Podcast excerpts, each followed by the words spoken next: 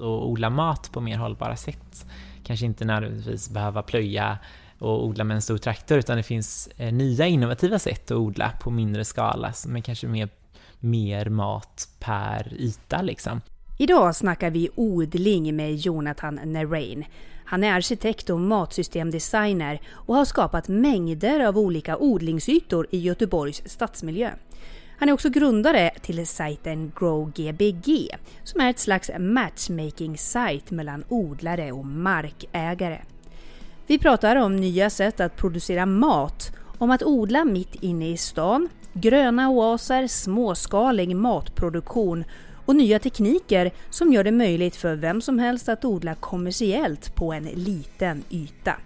Mer skörd och mindre ogräs låter ju trevligt. Och så Jonathans dröm, en stadsodling i varje kvarter. Det här är Klimatekot med mig, Elin Leijonberg.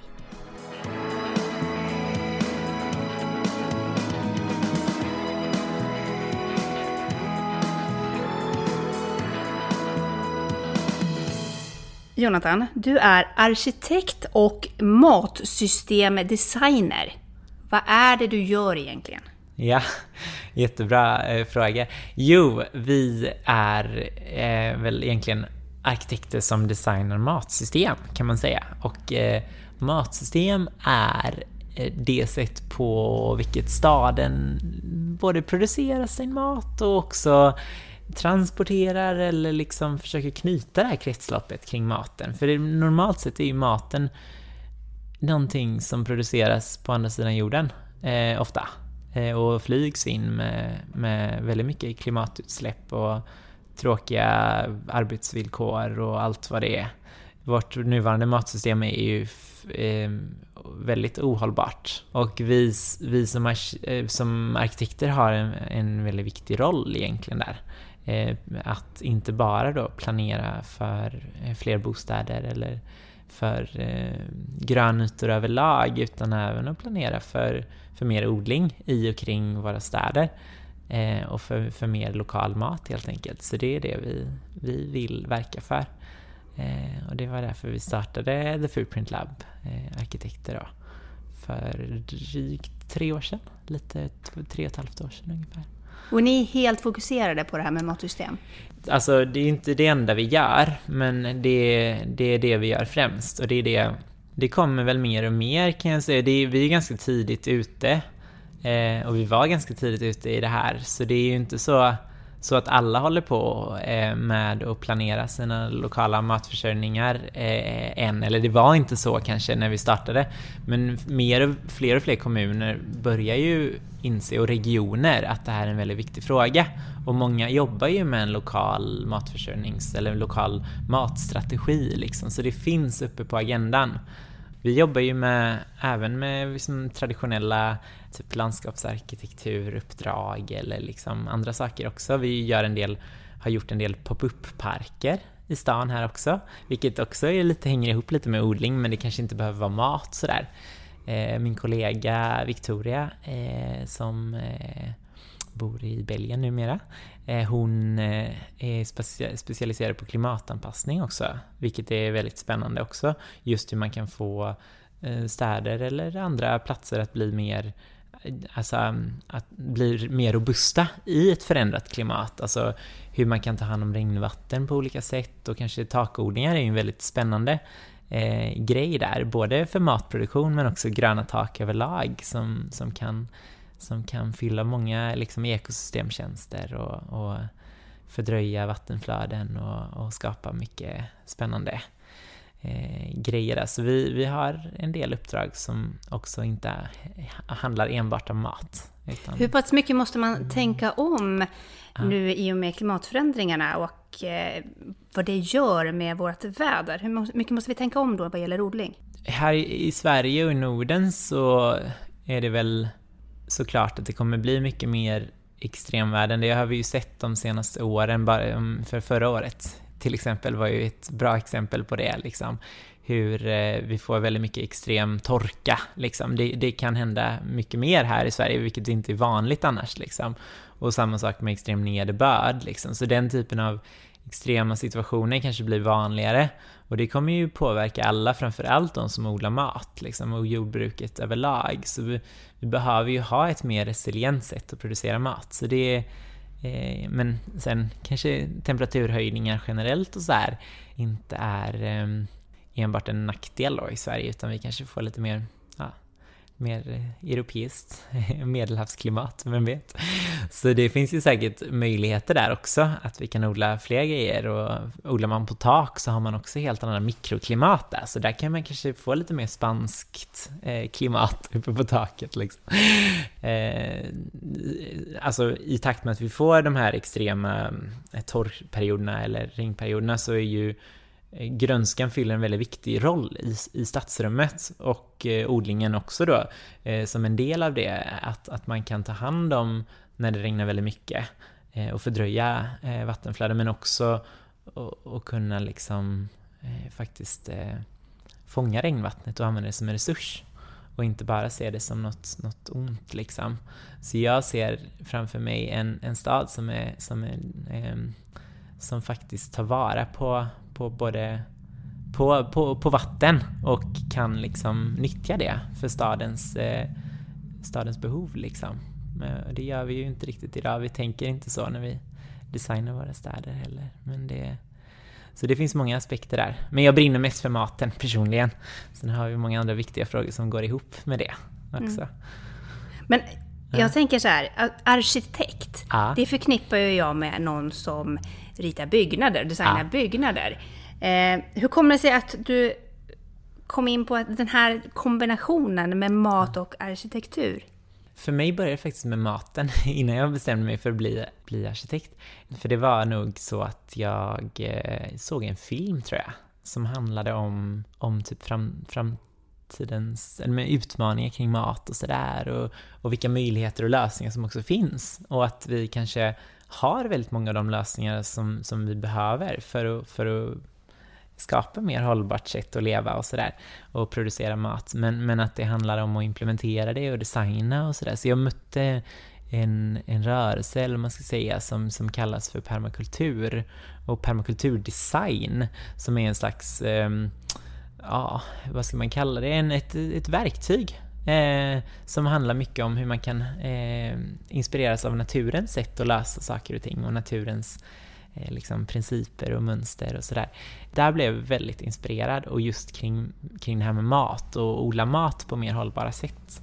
Kanske inte nödvändigtvis behöva plöja och odla med en stor traktor utan det finns eh, nya innovativa sätt att odla på mindre skala som är kanske mer, mer mat per yta liksom eh, rent av. Så eh, ja, jag kan prata länge om det, men det finns många, många nya eh, grejer som har utvecklats bara de senaste 10-20 åren eh, inom den här rörelsen som ehm, Förutom bara permakultur är ju en väldigt liten del av det, men det finns ju liksom en stor rörelse som heter Market Gardening bland annat. Som är, det, det, är, det var det vi såg exempel på här i, i Kviberg. Eh, de kommersiella odlarna där eh, odlar liksom i, i, fasta permanenta bäddar på ungefär 75 cm med lite gångar bredvid då, eh, emellan. Eh, och där odlar man väldigt, väldigt intensivt och, och sår väldigt tätt helt enkelt. Så man behöver inte ha de här stora avstånden som står på, på fröpaketen utan man man försöker ma maxa den här ytan så att det inte kommer så mycket ogräs och sen så har man olika verktyg så man kan så med en liten, man kan gå med en, en, en såmaskin i princip som handdriven som man bara går med längs en bädd. Och istället för att som, som hobbyodlare kanske man spenderar eh, du vet, sår fröna med handen så här och det tar flera timmar. Men den här typen av verktyg har kommit fram som har gjort att det faktiskt är möjligt att driva odling i liten skala och kunna få ut en lön av det. Så det har hänt väldigt mycket och det har kommit fler och fler sådana småskaliga matproducenter som faktiskt kan leva av det runt om i världen eh, och mycket i och kring städerna då också. Så det är spännande. Men hur kommer det sig att man helt plötsligt kan som så fröna tätare? Ja, nej men grejen med de eh, rekommendationerna på vanliga fröpaket och så är ofta att eh, jag vet inte, det är något arv från traktorbaserade jordbruket ibland, så att man ska ha rader som, som bygger på att det, det är liksom, man ska få plats med att rensa ogräset med en maskin emellan eller så här, eller med någon annan hacka eller någonting. Och om man, om man tar bort de avstånden mellan eh, raderna, då, då, får man ju, då får inte ogräset plats längre, utan då man räknar ut, det finns ju liksom eh, något eh, närbesläktat med det här som, om det heter biointensiv odling eller någonting, där, där de har hittat de här optimala avstånden för varje gröda, där de, när de är nästan helt fullvuxna, täcker hela bädden liksom. Så det finns inte så mycket plats för ogräs och man får ut mycket mer skörd på, på samma yta och, och, och sådär. Och så, är det någonting man kan göra hemma då? Absolut, det är något som alla kan använda sig utav och det finns en tjej i eh, i eh, USA som, som håller på att hålla massa kurser kring det här och eh, finns, ja, absolut, är liksom, man kan odla själva hemma i sina odlingslådor eller vad det nu är, lilla trädgården. Så det, man kan absolut odla mycket mer på, på de små kvadratmeter man har genom att maximera de här grödorna, hur tätt de står. Inte för tätt, men ofta, ofta brukar det vara så, det är lite kul, men ofta brukar det vara så att man, man, man har allt för stora avstånd mellan grönsakerna och allt för små avstånd mellan träden. För träden trivs av att ha ganska stort avstånd emellan, att äppleträdens rötter gillar inte riktigt att umgås med varandra sådär, två olika träd, så de vill gärna stå långt borta. Men, men grönsakerna, de, de kan man alltid täta till lite. När du designar matsystem, ah. eh, hur tänker du då? Om du ska försöka eh, visualisera, hur, hur ser det ut när du, du har designat ett sånt här system? Alltså det där med att designa ett matsystem, det är ju ingenting man gör på en natt liksom. och det är inget man gör på en vecka eller ett år heller, utan det är en process. Jag skulle säga att det är mer av en, en process och en metod som kanske bygger på många olika um, saker som man måste göra parallellt. Alltså man, man behöver, vi behöver inspirera och utbilda kring vad som är möjligt. Vi behöver ha den här typen av liksom samtal och intervjuer med, med folk som, som odlar på nya sätt och sprida den här kunskapen. Det är minst lika viktigt som att faktiskt sitta och rita in de här grejerna i, i, i våra städer. Liksom. Men jag tror att vi som, som arkitekter har en väldigt viktig roll eh, vad, gäller, vad gäller hur staden faktiskt ser ut, eller landsbygden för den delen också, just relationen mellan stad och land och, och just att att tänka in, eh, egentligen är det lite av ett hål i historien, att eh, de, de senaste hundra ja, hundra åren eller, eller mindre så har vi ju vi, vi har inte planerat för vår livsmedelsförsörjning fastän det egentligen är, är det vi, det är en överlevnadsfråga i mångt och mycket. Eh, så, så det behöver komma upp på agendan igen och vi behöver både ha politiker som, som vågar liksom som vågar prata om det här och, och sådär, men också det finns så många värden i, i odlingen och, och um, det, det, kan användas som en, som en väldigt fin eh, fint verktyg för att skapa sociala möten mellan olika grupper i samhället. Kanske, mm, jag tänker mm, på, jag bor borta i, eh, i Kortedala här, eh, en bit härifrån. Och det här, jag känner ju knappt mina grannar och sådär, jag träffar ju dem inte så ofta. Det finns inte så här spontana mötesplatser på det sättet, så att kunna använda odling som ett verktyg för att mötas mellan gränserna, för att alla har vi ju maten gemensamt på något sätt. Och även om man inte odlar själv så kanske man vill sätta sig där vid bänkarna och prata eh, med någon av odlarna eller prata med någon helt annan främling. Liksom. Så det, den typen av, av mötesplatser behövs ju också.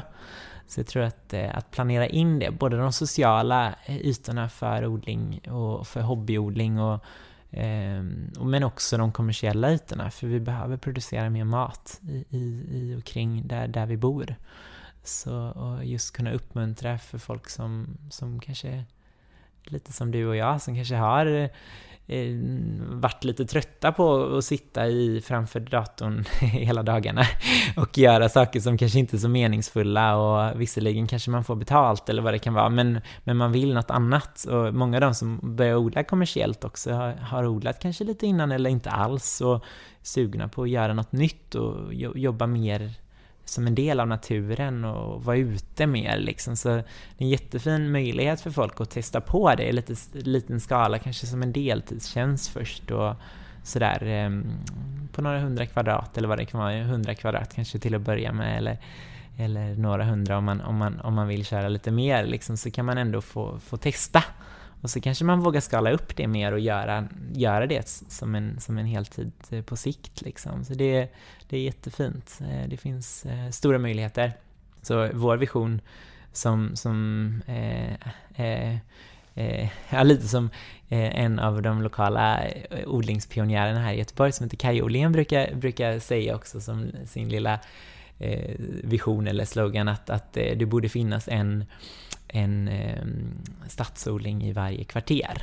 Och det tycker jag är en väldigt fin vision som vi gärna vill möjliggöra eh, genom den här matchmaking-tjänsten då, att, att faktiskt det ska finnas en, en stadsbonde eller en stadsodling som kan också sälja. Så eh, även om du inte vill odla din egen mat så kan du i alla fall köpa lokalt liksom. Och det finns gott om ytor här i eh, gott om ytor här i Göteborg så det Ja. Du får berätta lite gärna om GrowGBG. Ja. Vad är det för någonting? Precis. Det är en, eh, ja, en matchmaking-plattform kan man väl säga för folk som vill odla eh, för att kunna dela mark till exempel. Man kan på den här plattformen då både lägga upp om man har en lite stor trädgård till exempel som man inte hinner med att sköta eller så, men även då hitta mark. Så eh, de odlarna som vi träffade ute på i Kviberg där, de hittade ju odlingsyta via den här plattformen. Och då var det tack vare ett samarbete som vi hade då med en fastighetsägare, kommunal fastighetsägare som heter Higab. Eh, så det var liksom en, ett sätt att, att nyttja den här annars outnyttjade eh, gräsytan liksom. Och göra, göra det till en levande mötesplats och en ja, grön oas som kunde både skapa lite odlings, hobbyodling och lite, lite kanske odlings, gröna odlingsjobb också. Så det, det är jättefint. Så, mm, hemsidan är i princip ehm, en, en, en kanal för folk att, att, att kunna hitta odlingsmark lokalt här kring Eh, vi har börjat i Göteborg för att testa modellen helt enkelt, men plattformen i sig kan användas i princip över hela landet. Så. Men vi vill att den ska vara lokalt rotad. Så, så vill man ta Grow-plattformen till sin stad och kanske starta Grow Umeå eller Grow vad det nu kan vara, så får man jättegärna höra av sig. För vi har byggt upp eh, en infrastruktur för, för att göra det möjligt helt enkelt och mm, på sikt då.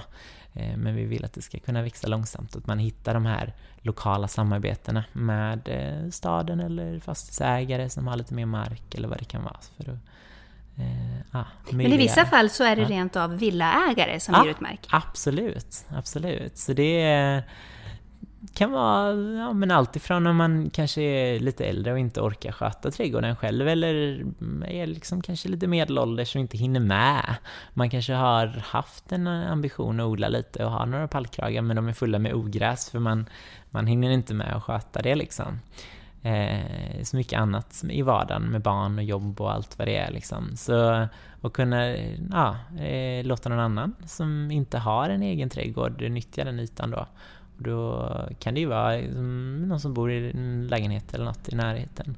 Eh, eller rent av om man har en större gräsmatta som man är trött på att klippa gräset på. För jag menar gräsklippning är ju någonting som släpper ut en hel del eh, koldioxid och är ganska jobbigt och kostar en del pengar och tar en del tid liksom. Så sen är, fyller det inte så mycket ekologiska funktioner. Det är en ganska låg biodiversitet i en gräsmatta. Det är ju nästan bättre att låta den gå upp i äng, ängsblomster och slå det med lie liksom, men det är också lite jobb och kanske inte så kul med fästingar och allt vad det är. Så då kan man kanske göra det till en odling istället, eller låta någon annan göra det till en odling. Så det finns faktiskt en kille i, i Kanada som har startat, startade sin kommersiella odling på det sättet att han hittade en 100 kvadrat här och 100 där eller 200 där. Och till slut fick han ihop, så nu har han 1000 kvadrat och kan till och med anställa någon för det här, så det är jättekul. I utbyte mot det så får de en liten grönsakskasse i veckan då, som erbjuder sin trädgård, så det är jättefin win-win lösning liksom. Så får bli trädgården ganska fin också. Du har beskrivit den här sajten lite som ett Airbnb. Ja. Ja, men lite så. Fast eh, man kan säga vad man vill om Airbnb, de kanske inte har en jätterolig eh, eh, sån, eh, vad ska man säga, de är inte så lokalt så här, de kanske inte är så lokalt förankrade, de är mer som en multinational corporation liksom. Vi är väl mer lokala. Eh, men funktionen i sig är väl lite liknande ett Airbnb för odlingsmark kan man säga. Eh, för att beskriva lite hur, hur det fungerar helt enkelt. Att det, vem som helst kan dela odlingsmark och också hitta.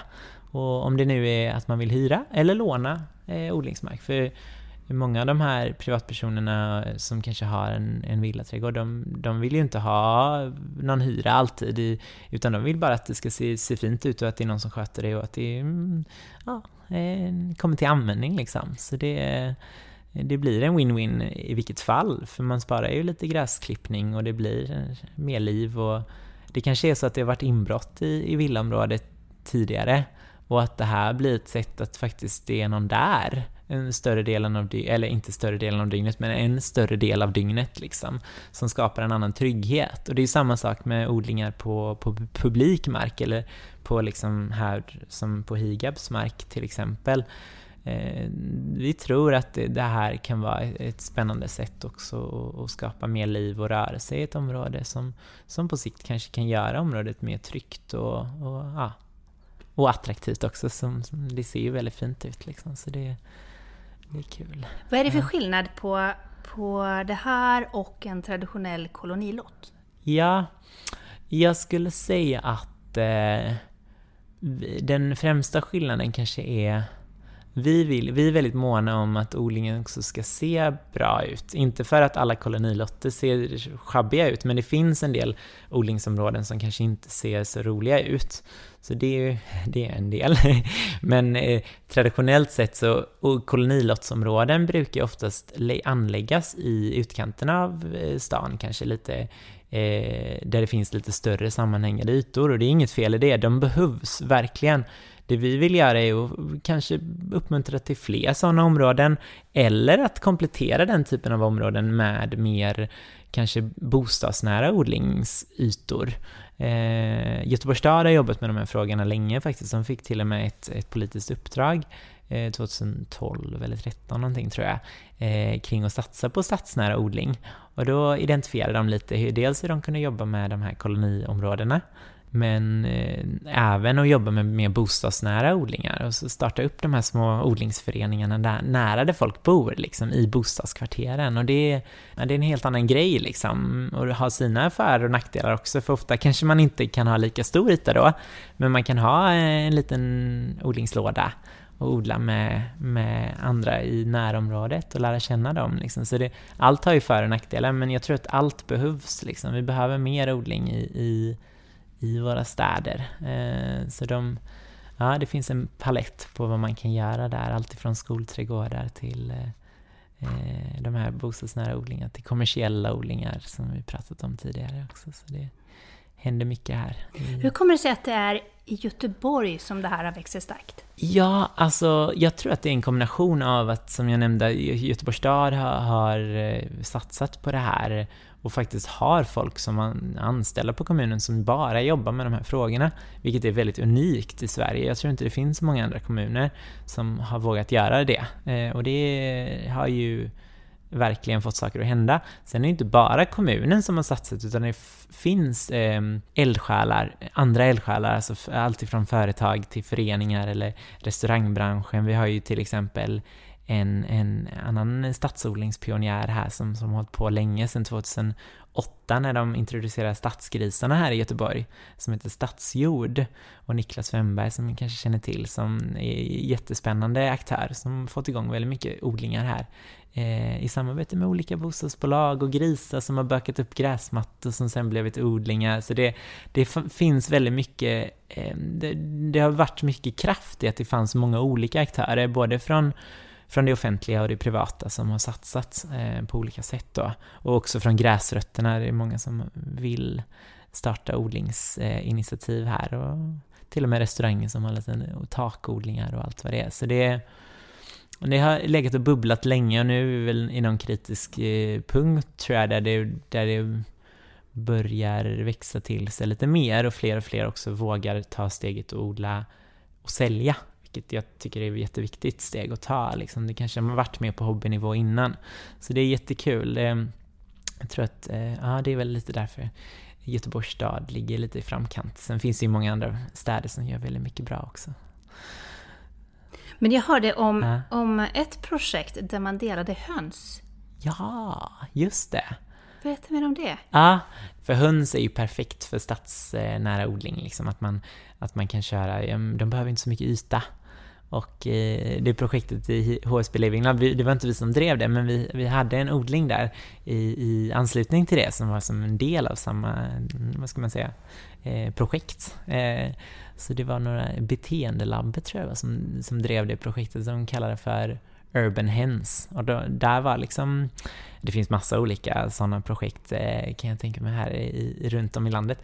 Men eh, jättekul sätt att man sköter om hönsen tillsammans och då var det de i bostads, eh, de som bodde i, på HSB Living Lab eh, där som, som också använde det som ett litet experiment för att testa hur man kan använda lite av deras matrester eller matavfall och mata hönsen med det så blev det, kunde de gå och plocka ägg där eh, någon gång om dagen liksom. Så delade de på, de hade ett litet schema med vem som matade hönsen och som plockade äggen eh, på olika dagar och sådär. Så det är en väldigt kul grej som absolut finns möjlighet för, för eh, i större skala så. Men det, eller på fler ställen snarare. Eh, så det, det är jättekul.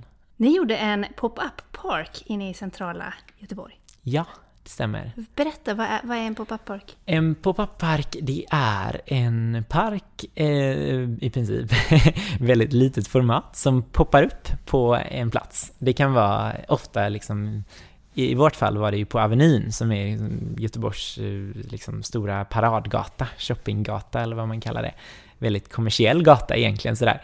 Eh, så eh, det var jättekul, det var ett år, eh, 2016 tror jag, där Göteborgs stad tillsammans med lite olika aktörer gjorde en satsning som kallas för Gothenburg Green World, eh, som var en satsning på, på, det, på att uppmärksamma de här parkerna som finns runt omkring i Göteborg, men också ta det gröna in i stan. Så då hade man, tror jag, 16 olika pop-up-parker och vi fick äran att och, och bygga och, och, rita på två av dem. Så det var jättekul. Vi gjorde det med väldigt enkla medel på väldigt kort tid också, så vi jobbade lite med pallar och pallkragar och allt vad det var som man kunde bygga och odla på väggar och tak och hela faderullan. Så det var jättekul. Eh, och, och eh, gröna väggar med eh, folk som med barn som målar en liten karta över Göteborg och ja, vi har faktiskt lite hem, bilder på vår hemsida där om man är nyfiken. Men det var alltså bara en park som stod då un, ungefär två månader. Eh, normalt sett så hade man kanske velat ha den under en hel säsong, men nu var det liksom ett event så de hade tillstånd där två månader. Sen så var det dags för kulturkalaset eller vad det var på de gatorna så fick inte plats att vara kvar. Men eh, tanken med en pop-up-park, det är ju att, att man kan skapa kanske lite mer grönska på en plats, kanske som lite mer kan vara kanske centrala stan eller så, där det, där det kanske är lite grått och trist annars. Så det kan ju vara en, en, en asfalterad eller en, en vanlig liksom sån här eh, shoppinggata som, där det inte finns så mycket spontana sittplatser heller, eller de här mötesplatserna. Så en pop-up-park kan ju också skapa, vi hade väldigt mycket sittytor där på våra pop-up-parker också som, som eh, verkligen bjöd in folk och, slå sig ner och det finns eh, själva konceptet eh, Nej, nu säger jag fel. Det, nu pratar jag om något helt annat. Eh, nu, nu tänkte jag på parklets, vilket är något, något annat som ja. du kanske kikade på, på. Ja. För vi har gjort, det är en typ av pop-up-park kan man säga som, som kallas för parklet. Och det är, han, namnet kommer egentligen från att det, är, att det är något man ställer upp på en parkeringsplats. Ofta också lite temporärt, kanske över sommarsäsongen eller sådär. Och vi tog faktiskt fram, ritade och, och Göteborgs första parklets här i, åt Trafikkontoret i Göteborg. Det var jättekul och Park och Natur och, och ett gäng till som var med.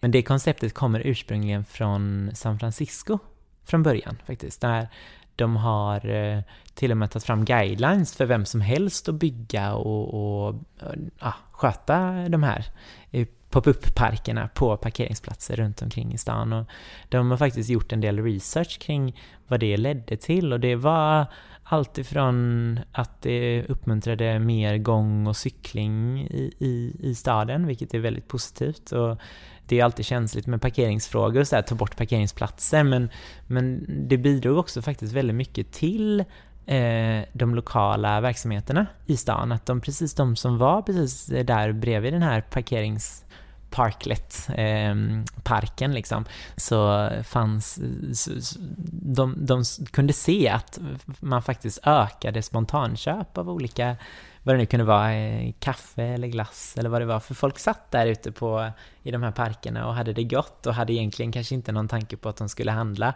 Eh, och det behöver man ju inte göra utan den här parken är ju till för alla. Det är en mötesplats som inte tvingar en att konsumera. Men faktum är att när det finns sådana mötesplatser i stan, då kanske man tar, då, då är det fel, fler som vistas där i stadsrummet och kanske också fler som väljer att spontant köpa en glass eller vad det är. Så det var även en win-win liksom, även för butiksägarna sådär. Så det, det är en kul grej. Att det behöver inte vara att det är liksom två läger på något sätt, utan att alla kan vinna på det. Så det, det tyckte vi var kul att läsa. och nu, eh, ja, vi gjorde ett litet eh, pilotprojekt där helt enkelt. Finns tre, den kvar? Det finns tre, det fanns på tre platser när vi, när vi ritade och byggde dem då, det var 2017 Eh, så då hade vi en, ska vi se, på Grönsakstorget, en vid eh, Teatergatan som ligger parallellt med Avenyn. Eh, och så en vid, eh, ser, nästan vid Brunnsparken där, väldigt centralt. Eh, också på samma gata som går upp till Avenyn där. Så det var, det var jättefint. Eh, och de stod där under sommarsäsongen 2017 och sen eh, plockades de bort under vintern eh, vissa stod faktiskt kvar, för var, vi hade byggt i lite moduler så här, så det kunde vara på vintern eh, även som planteringslådor och sittytor och sådär. Och året efter kom det tillbaks, fick lite ny färg och eh, ja, lite, eh, lite så här halvt eh, olika regnbågsfärger i samband med Pride-paraden också. Och, eh, kulturkalaset som sammanföll samtidigt. Så det var jätte, jättefint att se dem tillbaks där. Nu vet jag faktiskt inte i år om de, om de är tillbaks, om de kommer komma tillbaks i år, men det var, de puppar upp på lite nya platser varje år också, så det är jättekul. I, förra året blev jag väldigt förvånad att se, ja men där hamnade den där i år, och wow vad fina de blev liksom i år, liksom helt annorlunda eh, med lite färg och lite nya placeringar och sådär. Så det, det är jättekul, det är något dynamiskt också, man behöver inte ha det på samma plats utan kan, de kan flytta runt lite i stadsrummet så, så det är väldigt kul. Men vem är det som står bakom dem då? Det var Göteborgs stad, eh, en, en satsning som heter Trygg vacker stad som, som eh, eh men, eh, jobbar mycket med de här trygg, trygghetsfrågorna och göra stan mer trygg och också mer attraktiv och vacker och sådär. Eh, allt ifrån innerstan till, till liksom andra områden i Göteborg sådär. Så det var en satsning från staden helt enkelt som för att ja, testa det här. Och sen så var ju visionen och förhoppningen att, att det kunde leda till någonting där även fastighetsägare och andra, kanske till och med andra personer kan vara med och, och, och mm, upplåta mark och också kanske mm, bygga eller mm, investera i eller sköta de här eh, parkerna liksom. Eh, så vi hade eh, i piloten hade ett samarbete med olika fastighetsägare, så det var två, som, två olika fastighetsägare som skötte de här två två av dem och så en var det Park och Natur som skötte då. Eh, och den lyckades vi klämma in lite grönsaker i också, på grönsakstorget. Det var väldigt kul. Det var den ätbara parkleten. Har ni gjort några lärdomar av de här eh, erfarenheterna? Man lär ju sig hela tiden massa grejer. Eh, jag vet att det var ju lite känsligt med det här med parkeringsfrågan och sådär. Vad var det som var känsligt i det? Nej, men att det liksom...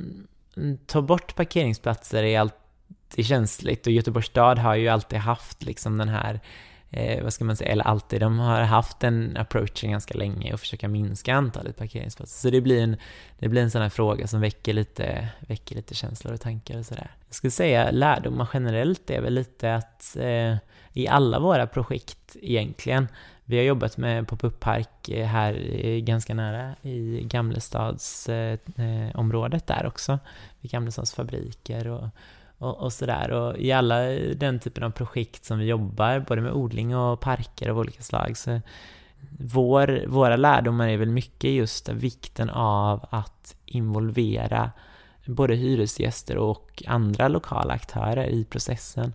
Eh, att det är någonting som har legat lite som en ryggrad i våran vision och vårt arbetssätt från början. Men det är inte alltid man vill satsa, för det kostar ju lite mer pengar att ha de processerna liksom och bjuda in till workshops och få involvera folk i, i de här olika eh, processerna men att det faktiskt är värt att göra det. det. Det är någonting som kanske inte specifikt var en lärdom från det här Parklet-projektet men, men som vi har lärt oss i många andra projekt. Så. Eh, och sen i just Parklet-projektet skulle jag säga att, att eh, en, en lärdom och rolig insikt där kanske var att just det här med skötselaspekten är en väldigt viktig del. Och att det, det är en hel del skötsel med den här typen av publika planteringar och sådär. Eh, och det är inte alltid man kan, man kan odla sig jättemycket ätbart då, för det kräver mer skötsel. Och det var en liten insikt för mig, samtidigt som jag också försökte trycka in så mycket ätbart som det bara gick. Och visa att det också är dekorativt.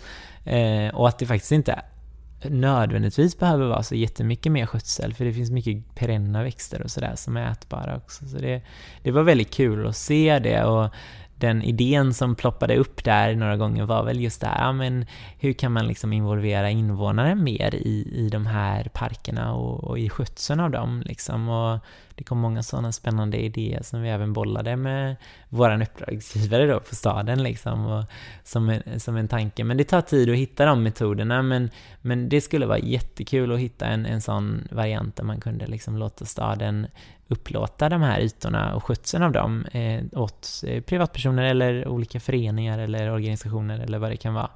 Eh, rent av kanske betala dem en slant för det om det ska se bra ut liksom, för det, det kanske är viktigt. Men istället för att staden själv, för det är ju väldigt mycket jobb att sköta de här planteringarna och kan man, kan man hitta en sån här win-win där man kan där man kan få folk i närområdet att engagera sig och sköta rabatter och så, så är det ju en jättefin mm, grej som också kan göra att folk kanske får ett annat ägandeskap i det offentliga rummet och får vara med och sätta sitt avtryck lite mer och sådär.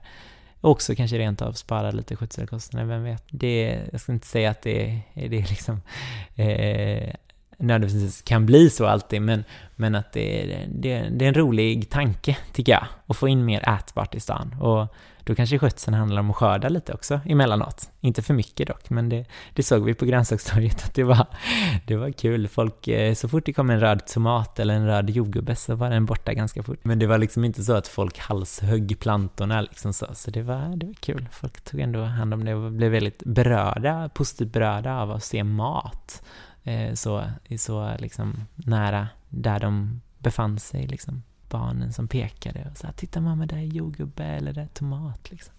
Det var väldigt kul. Men det här blir ju, det är ju väldigt närproducerat, måste ja, man säga. absolut. Eh, men är det per automatik ekologiskt? Ja, det är en bra fråga. Det, ju, det kommer ju upp ibland det här med, ja, är det liksom, hur är det med avgaser och allt vad det kan vara i en stadsmiljö liksom. Det är väldigt viktigt att hålla ett avstånd såklart. Om det är högt trafikerade vägar och sådär.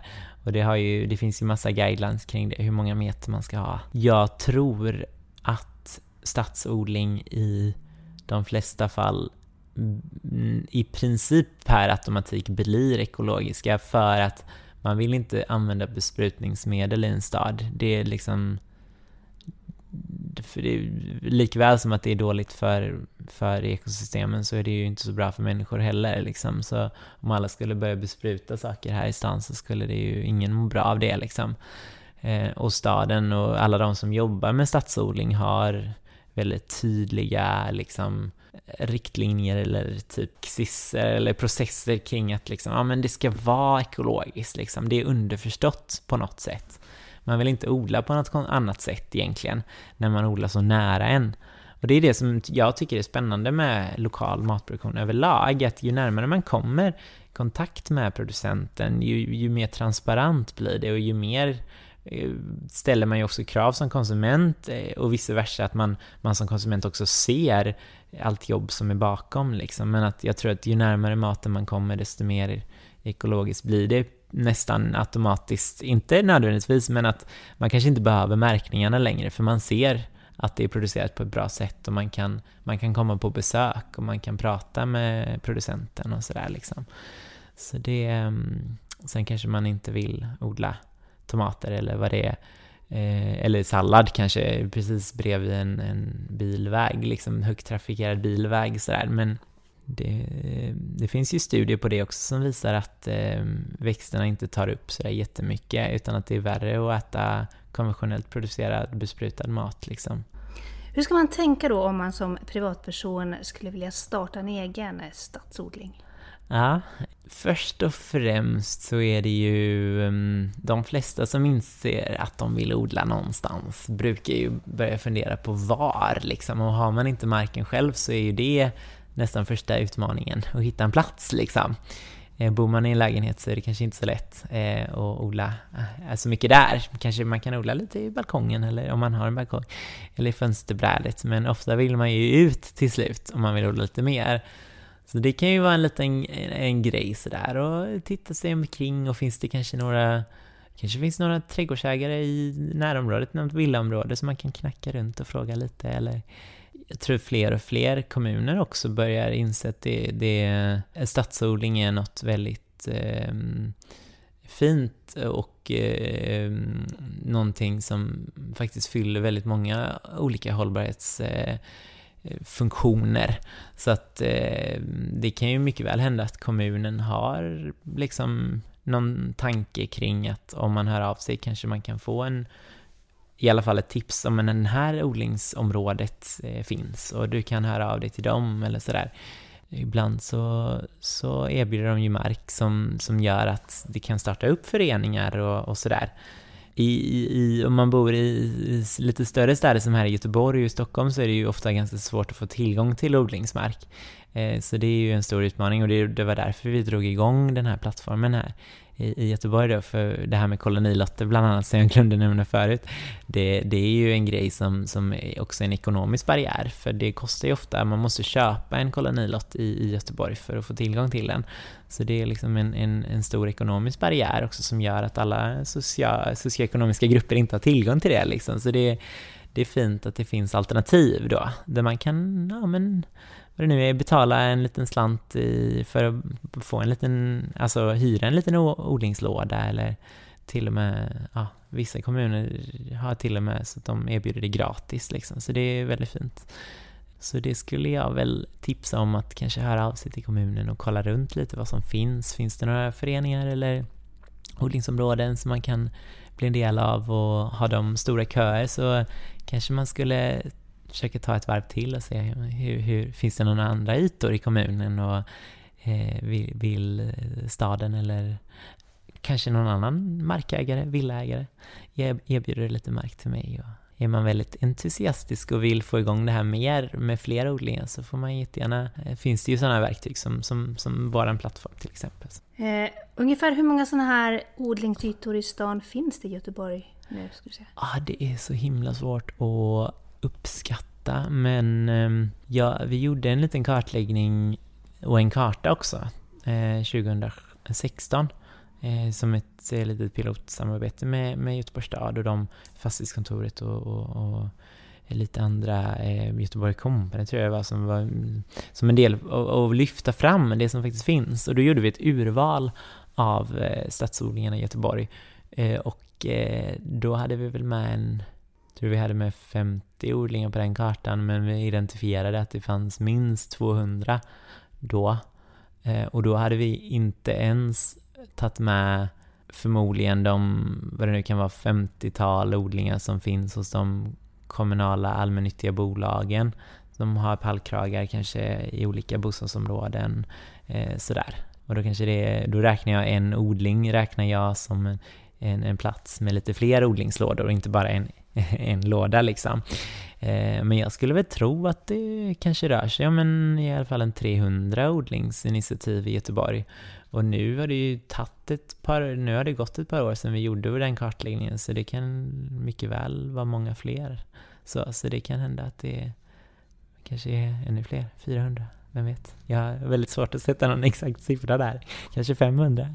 Det är fler än vad man kan ha koll på, även jag som jobbat med det här några år och haft guidade turer, så här stadsodlingssafaris ända sedan 2011. Du berätta om dem! Ja, precis. Så en stadsodlingssafari är en guidad tur där vi besöker olika stadsodlingar i Göteborg. Och då försöker vi göra liksom ett urval för att hitta, för att se lite olika eh, olika typer av odlingar, olika aspekter av odlandet. Liksom. Allt ifrån de här föreningarna som kanske är lite nära där folk bor till eh, skolträdgården eller till... Det finns ju sociala företag som jobbar med odling som ett verktyg för att eh, eh, folk utanför arbetsmarknaden ska få ett kliv in och ett sätt att och kanske rehabilitera sig från utbrändhet eller vad det kan vara. Så där odlingen är mer ett medel en, eh, det är inte så att de försöker, alltså huvudverksamheten handlar om att sälja, men man gör det kanske också. Man säljer grönsaker också och plantor och sådär. Så det finns ett antal sådana företag i Göteborg. Eh, sen så söker vi sådana här nya spännande kommersiella odlingar. Det kan vara både här, som vi såg här, lite så här market gardening långa avlånga bäddar och eh, på friland eller på asfalten, som jag nämnde kajodlingen här i Göteborg. Och det finns många spännande exempel. Inomhusodlingar brukar komma mer och mer också, så det kanske vi gör något besök där. Så det finns otroligt mycket spännande att se. Och vi gör helt enkelt ett litet besök på olika platser och får också möta odlarna själva och höra deras historia, hur det började för dem och vilka utmaningar och ja, vad, de, vad de mötte på vägen helt enkelt och kanske få lite inspiration själv från om man vill starta en egen odling. Eh, eller bara nyfiken på vad man kan få tag på odlade stadsodlade grönsaker eller sådär.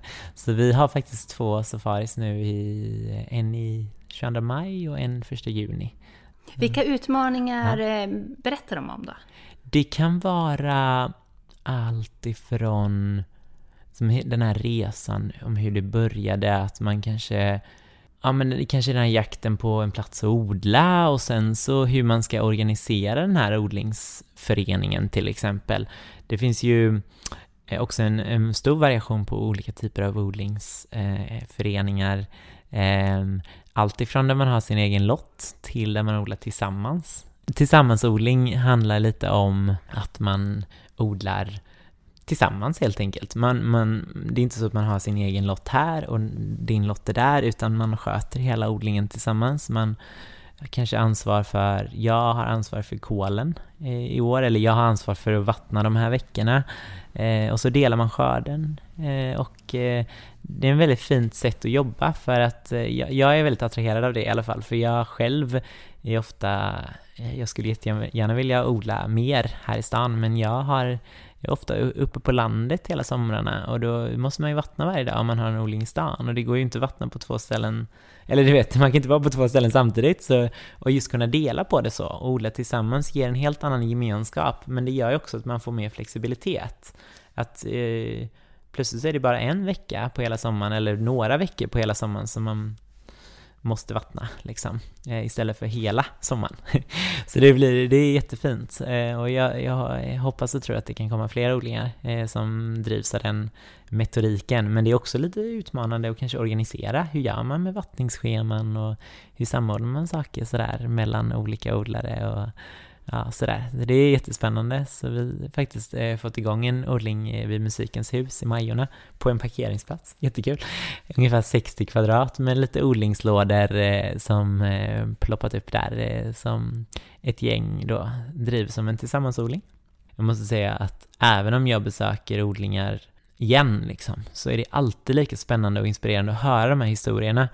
De här historierna om kanske någon som de hade liksom pluggat allt ifrån liksom något högt akademiskt till något, eh, vad det nu kan vara, humanekologi eller vad, whatever liksom. Och sen så den här historien om hur de, hur de börjar, alltså hur, hur det hela startade. Jag tycker framförallt att det är väldigt kul med, med historien eh, kring eh, kajodlingen då, i, som var en av de första kommersiella odlarna i Göteborg som, som startade med och eh, odlade några lådor vid Masthuggskajen och började sälja till restauranger och hade också en takodling ovanpå en restaurang som de levererade direkt ner till restaurangen. Och så var det liksom, man får höra om alla utmaningar på vägen och hur de började sälja till de här kockarna och vad funkar och vad funkar inte. Och, och sen lärde de sig att ja, men det mm, vi ska sälja direkt till konsument istället och vi ska ha eh, mm, dagar när man kan plocka liksom. Eh, Komma hit och plocka. Och, så konceptet förändras lite under resan, det är väldigt kul att se liksom hur, hur det, även med de kommersiella odlarna, liksom, hur, hur den här liksom storyn bakom är väldigt, väldigt spännande. Det blir en helt annan grej än att bara gå dit själv och titta lite. För mig har det varit ett, lite av ett uppvaknande när jag började odla mina egna grönsaker och min historia var väl lite att, att um, Eh, mina, mina föräldrar eh, skaffade den här gården i, i, uppe i, i Dalan, Dalsland, förlåt, inte Dalarna, Dalsland, eh, där eh, vi också har får och grejer. Och så, så använde jag gödslet där och testade att odla lite egna grönsaker och, och just den här upplevelsen att äta någonting som man har producerat själv och man vet hur mycket jobb som ligger bakom och man värderar det på ett helt annat sätt liksom. Och, och just det här att få sätta ett frö och se det växa och sen kunna äta det som blir av det. Det är en så häftig upplevelse. Ehm, så det har verkligen förändrat mig och min relation till maten på ett väldigt positivt sätt skulle jag säga. Och det innebar ju att jag kanske började välja att äta mer ekologiskt och, och, och lokalt så gott som det går. Liksom. Ehm, för mig handlar det väldigt mycket om livskvalitet också, att man inte väljer bort eh, eller man väljer bort det dåliga, visserligen, men det är också så att det är bra, det som är bra, de grönsakerna som är producerade på ett schysst sätt, lokalt, småskaligt, liksom ekologiskt och allt vad det är, det smakar ju ofta så mycket mer. Odlar man egen sallad och egna tomater, det är ju en helt annan smak liksom. Så det finns en helt annan upplevelse och, och livskvalitet kopplat till det. Och det här med att odla sin egen mat, det är ju det är min meditation liksom. Jag tycker så mycket om att peta i, påta i jorden och, och göra det på mina lediga dagar liksom. Så jag kan förstå de här som väljer att lägga om till att odla på deltid liksom. Inte helt främmande för mig heller faktiskt. Men du, avslutningsvis då. Mm. Vad blir ditt nästa stora projekt? Ja du.